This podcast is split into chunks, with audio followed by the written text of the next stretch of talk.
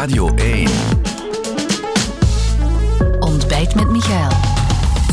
Goedemorgen, meneer Rousseau. In uh, Sint-Niklaas, uw stad. Ik herinner me toen ik hier een half jaar geleden met u zat, dan was u nog wat aan het twijfelen. En nu hebt u, ja, het is al een tijdje geleden beslist, dit wordt uw stad ook ja, voor uw uh, electorale toekomst, zeg ik.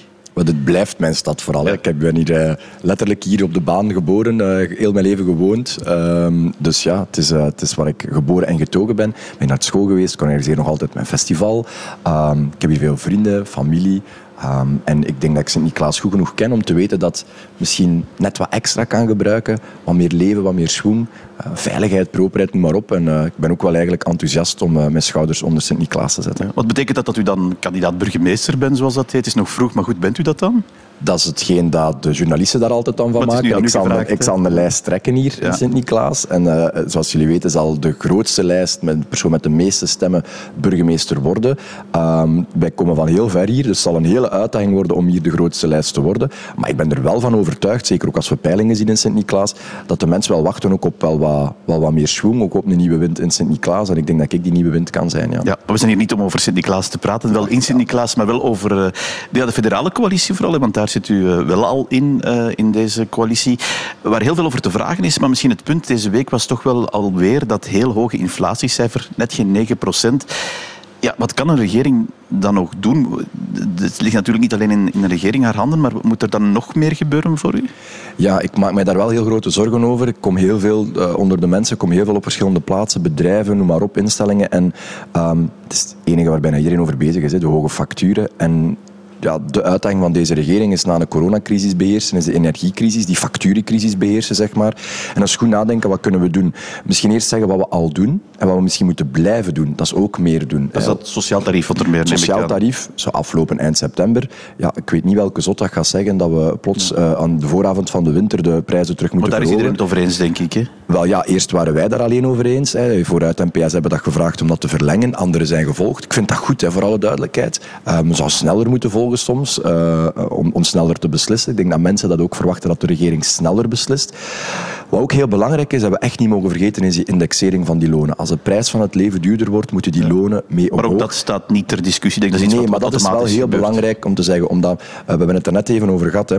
Niet iedereen zijn loon wordt constant geïndexeerd. Mensen in de horeca bijvoorbeeld moeten nog wachten tot het einde van het jaar tegen dat dat geïndexeerd wordt. Maar dan is dat wel een indexering van 8 à 9 procent, heb ik me laten vertellen door Horeca Vlaanderen.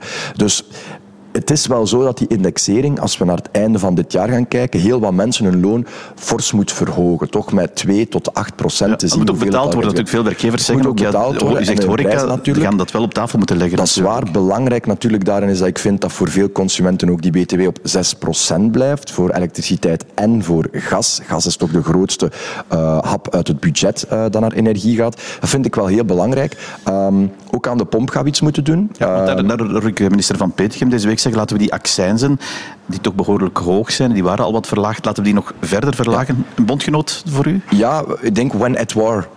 You need to help people. Hè. Uh, we zijn in oorlog tegen hoge prijzen. En um, we, gaan, we gaan alles moeten uit de kast halen om, om, de, om, de, om de gewone werkende mensen de kopje boven water dus die houden. verder verlagen, daar kan u zich in dat vinden? Dat kan, als dat tijdelijk is. Ik denk natuurlijk op lange termijn is, is uh, eigenlijk subsidiëren van, van, van, uh, van, van, fossiele brandstoffen wel echt niet het goede idee. Ook niet voor die werkende klasse, want de klimaatfactuur zal anders bij die mensen terechtkomen. Dus die overheid moet wel een goed klimaatverhaal vertellen. Maar op dit moment, when at war, hè, wanneer dat je in oorlog bent eigenlijk tegen prijzen, ja, dan moet je echt wel dingen doen moeten de mensen ook wel eerlijk vertellen dat die hoge olieprijzen, die hoge, hoge gasprijzen, dat je daar als overheid op zich weinig aan kan doen. Wat je wel kan doen is heffingen verlagen, belastingen verlagen, om ervoor te zorgen dat die prijzen minder stijgen. Um, in de hoop dat die prijzen ooit nog fors zullen dalen. Maar we weten allemaal dat die prijzen nooit meer heel fors zullen dalen. Ja. En daarom dat het net zo belangrijk is om de inkomens van de mensen te verhogen. Een fiscale hervorming staat in het regeerakkoord. Ik hoop echt, vooruit hoopt echt, dat we daar werk van gaan ja. maken. Wij wachten daar op een plan van minister Van Petegem. En we hebben daar zelf al een aantal ideeën over wat die fiscale hervorming moet doen. Ja, want dan zitten we bij die uh, Vivaldi-coalitie, waar uh, u het misschien minder eens bent met andere coalitiepartners. Ik denk de meeste van die maatregelen uh, dat daar wel eensgezindheid over is. Er, komt een zo, enfin, er zal een, een zomerakkoord moeten aankomen waar heel veel in zit. Uh, heel veel losse eindjes die maar niet vastgeknopt zijn. Die arbeidsdeal bijvoorbeeld. om te beginnen, werkt die regering eigenlijk nog wel? Wat vindt u daarvan? Ja, ik heb u net gezegd, die regering werkt. Hè. Ik denk dat je soms wat door de ruis van Twitter en, en de opinies in de kranten moet lezen. Um, werkt die voldoende goed? Nee, die moet beter gaan werken. Die moet meer gaan beslissen en akkoorden uitvoeren. Die Hoe komt dat dat die niet zo goed werkt dan? Dat weet ik niet. Ik, ik, ik, focus me als voorzitter van vooruit op wat dat onze ploeg doet. Eh, Mirjam doet in haar bevoegdheid heel veel zaken om eh, ontbossing tegen te gaan, uh, klimaatverandering in het buitenland ook tegen te gaan. Dat is belangrijk voor onze mensen hier ook. Frank is enorm veel aan het doen in gezondheidszorg. Miljarden aan het investeren, maar ook aan het hervormen maar ook aan het hervormen. Dat is belangrijk. Socialisme, ja. dat is en investeren draait de motor, Of zegt u de motor draait niet Ja, ik kan natuurlijk alleen maar spreken voor mijn winkel. En mijn winkel die is aan het werk, die is open en die is heel veel dingen aan het doen. En, aan het, en daar is eigenlijk vriend en vijand het dus over andere partijen doen niet hun winkel? Wat, dat is wat u zegt. Ik, zeg, nee, ik, ga mij ik ga mij uitspreken over wat dat wij doen. Hè. Hervormen in de ziekenhuis, de facturen verlagen in het ziekenhuis, de maximumfactuur in ja. het ziekenhuis verlagen. Um, nu nog eens gisteren ook heeft de regering wel beslist om die kilometervergoeding voor, voor uh, poetshulpen of thuisverpleging, mensen die een auto nodig hebben voor het werk, werk-werkverkeer noemt men dat, om daar die kilometervergoeding, omdat die benzineprijzen zo hoog zijn, om die te verhogen, om die mensen toch wat, wat, meer, wat meer koopkracht te geven. Dus die regering beslist wel zaken. Ja, maar fiscale hervorming, wat had u gezegd? Die moet uh, absoluut komen voor ons. Is dat zo? Want, want ik, ik hoor dat anderen niet zeggen. Dat zat, dat zat zelfs niet in het lijstje, dat zat in het initiële lijstje zelfs niets bij. Dat is het lijstje van meneer De Croo. Dan ja, moet je aan hem vragen waarom dat er niet in staat. Ja, maar hij is de premier. Uh, maar dat zal er wel bij komen. Um, absoluut een fiscale hervorming nodig. Wat moet die fiscale hervorming doen? Twee dingen. Eén, die moet zorgen dat werken meer loont. Wij worden kapot belast in België als je gaat werken. Lasten op arbeid zijn hier zo hoog, stond deze week nog in de krant. Wij gaan daar iets aan moeten doen. We moeten zorgen dat één, de facturen omlaag gaan, maar twee, dat de inkomens omhoog gaan. Met een automatische indexering, noem maar op. Maar ook met gewoon meer netto over te houden op je loon. Dus belastingen op uh, arbeid naar beneden, verlagen. zegt u? Absoluut, dat zeggen we al heel lang. En ik vind werken het belangrijkste dat ja. er is. Dus, en ook dat mensen daar iets aan verdienen. Waar twee, moet het dan omhoog? Want dat is natuurlijk de, de andere vraag. Je gaat moeten vragen aan vermogenden dat ze eerlijk bijdragen. Tuurlijk zijn er al vermogensbelastingen, maar niet genoeg. Ja, als maar koeken, effectentax bijvoorbeeld. Als maar, ja, maar dat is een goed begin. Hè. Dat is 2 miljard dat wij extra ophalen uit vermogen, dat de vorige regering niet deed. 2 miljard euro die we kunnen spenderen aan die sociale zekerheid, aan pensioenen, aan gezondheidszorg. Maar als iemand als Mark Koeken, waar ik veel respect voor heb, en daar kan hij zelf niet aan doen, want het is de politiek die de wetten maakt, 1 miljard euro winst maakt op aandelenverkoop en daar 0 euro belastingen op betaalt, zolang dat kan in dit land, dan is er nog altijd geld genoeg om meer sociale maatregelen te nemen. Er moet een rijkentax komen, is het dat? Maar ik denk dat er eerst en vooral een vermogenskadaster moet komen. Ja, dat is de essentie natuurlijk. Want dat is de essentie. Je moet weten wat de vermogens zijn. En dat is waar de liberalen altijd al van gezegd hebben. Dat, dat is waar, maar heel veel landen hebben dat. En uh, weet je waarom dat belangrijk is? In de kinderopvang of op de UNIF zijn er soms kinderen van um, dokters, apothekers, advocaten, ik noem nu een paar beroepen, hè, kan van alles zijn, die een studiebeurs hebben. Dat is niet bedoeld voor ja, zo'n mensen. Dat is het Matthäus-effect, dat, dat gaat al decennia mee natuurlijk. Ja, maar daar moet je iets aan doen. Ik, ik ben echt voor een extra... Maar je zit al jaren ook niet in die regering natuurlijk. Nee, we zitten daar nu jaren Ja, maar goed, in het verleden ook wel. Nee, ik vind dat wel belangrijk. Dat we, en, en dan moeten andere partijen ook maar zeggen waarom ze tegen een vermogenskadaster zijn.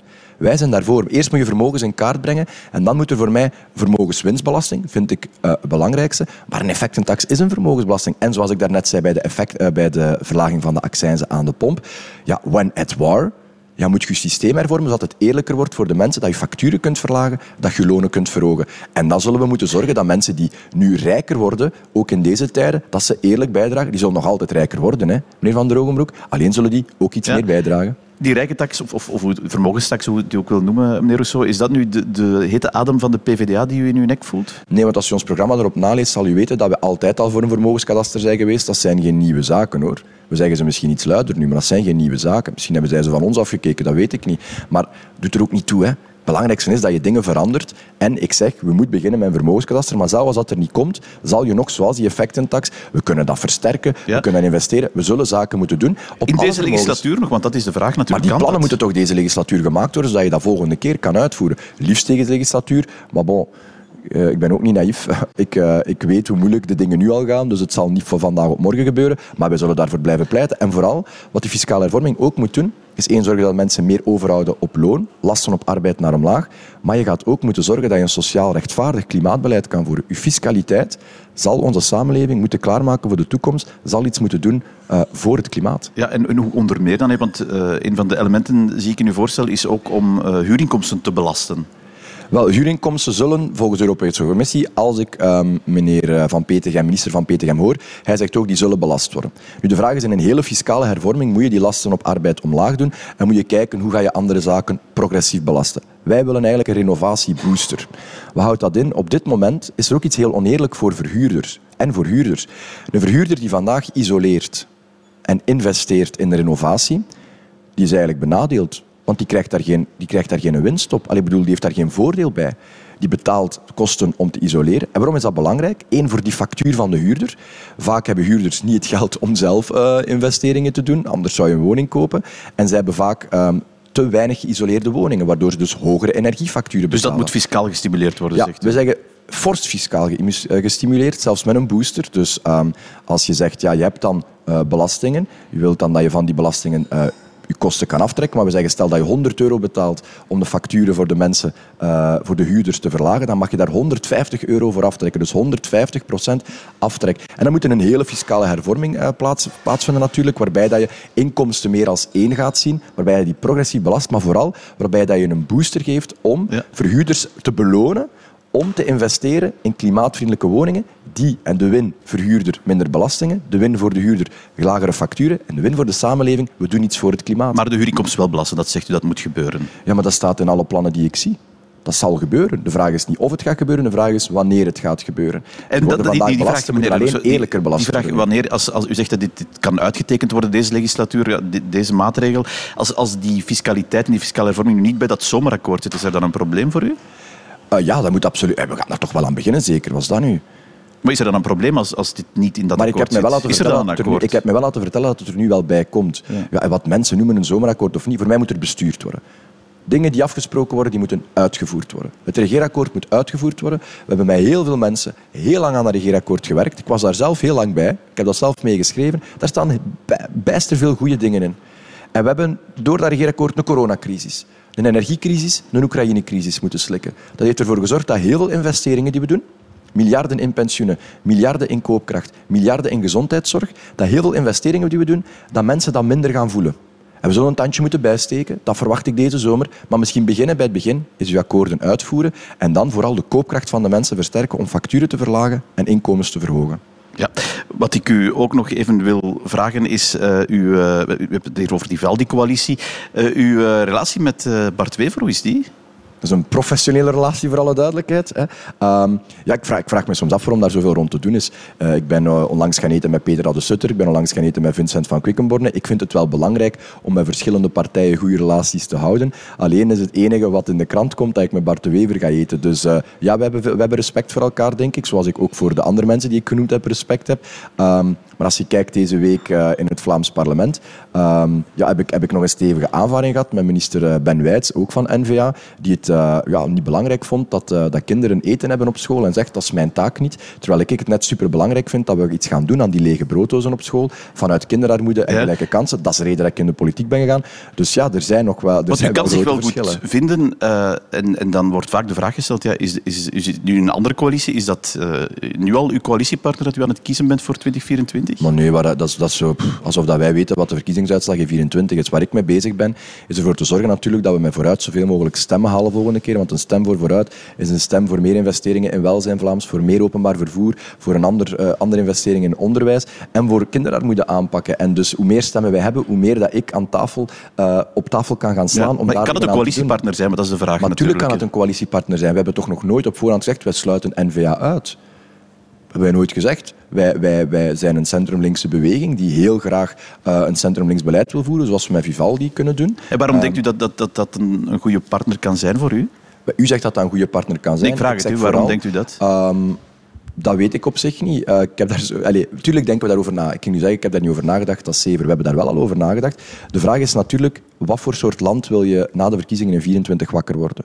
Wil je wakker worden in een land waar het Vlaams Belang, extreem rechts, iets dat nog nooit in de wereldgeschiedenis gewerkt heeft, extreem aan het bestuur, nog nooit de welvaart, nog nooit de vrijheid van de mensen heeft geholpen, wil je zo'n experiment terug met onze toekomst, met de toekomst van mijn generatie, met de toekomst van Dan welzijn, zegt u bijna, wij, wij moeten dat verhinderen door bij N-VA een coalitie maar verwachten mensen niet dat, dat iemand die als mij in de politiek stapt, probeert zoveel mogelijk stemmen bijeen te, te scharen om, om extremen kleiner te maken en op een rationele, toch, toch een, een constructieve Maar dan zegt u eigenlijk, ik reik de hand aan N-VA om ervoor te verhinderen dat het Vlaams Belang aan de macht komt. Want dat zegt u nu eigenlijk. Nee, ik zeg, ik reik het hand aan de kiezers om zoveel mogelijk voor vooruit te stemmen om een aantal heel belangrijke knopen door te hakken in Vlaanderen, waarmee dat we ons land sterker maken en dat we eh, de welvaartsstaat, zowel in Vlaanderen als, Ja. in, als in België, versterken. Ik zeg alleen dat ik wel niet wil wakker worden in een land, en met mij heel veel Vlamingen, die een Ja. land waar Vlaams Belang en N-VA besturen. En dus zegt u, is, is, is onze mogelijke coalitie een alternatief daarvoor dan? een mogelijk alternatief. Een coalitie zonder N-VA, als de kiezer dat toelaat natuurlijk, want er moet ook wel nog gerekend worden. Hè. Eh,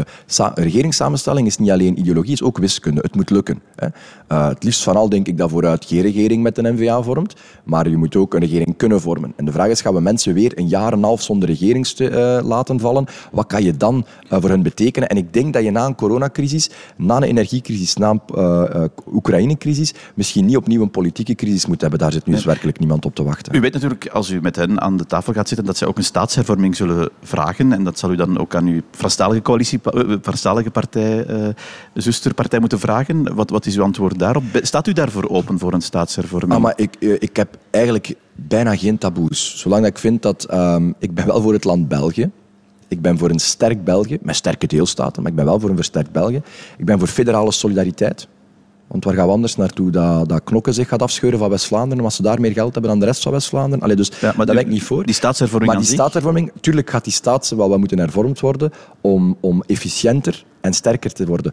Ehm, ik denk dat je niet moet onderschatten dat ook bij de PS en ook aan Waalse kant er wel krachten zijn die best wel een regionale insteek hebben. Daar ben ik zelf van geschrokken vorige keer. Dat is, dat is sterker dan bij vooruit aanwezig zelfs hoor. We hebben niet zo'n regionale insteek, we hebben vooral een dus daar kan wel iets gevonden worden we hebben een efficiëntie-insteek. Voor mij maakt het niet uit waar dat georganiseerd wordt, als het maar beter werkt voor Ja. de mensen thuis. Ik vraag het ook omdat het mij vandaag opvalt in de krant De Standaard, denk ik, staat Miranda Ulust, ook de topvrouw van het ABVV, die zegt dat zal zonder ons zijn no passeran. Wat juist? Ik heb het niet gelezen, sorry. Zij zegt, ja, die zevende staatshervorming, dat, vragen, dat willen wij niet, daar zullen wij een stokje voor steken, eh, onder meer bij SPA, bij Vooruit. Ehm, ja, dat is te zien wat die zevende staatshervorming inhoudt. Hè. Ik denk dat je op voorhand moeilijk kan zeggen dat iets sowieso slecht wordt. Ja, een, een akkoord waar, waar het puur dogmatisch gezegd er moet meer naar Vlaanderen, want België werkt niet, ja, dat, zal, dat zal niet meer vooruit zijn.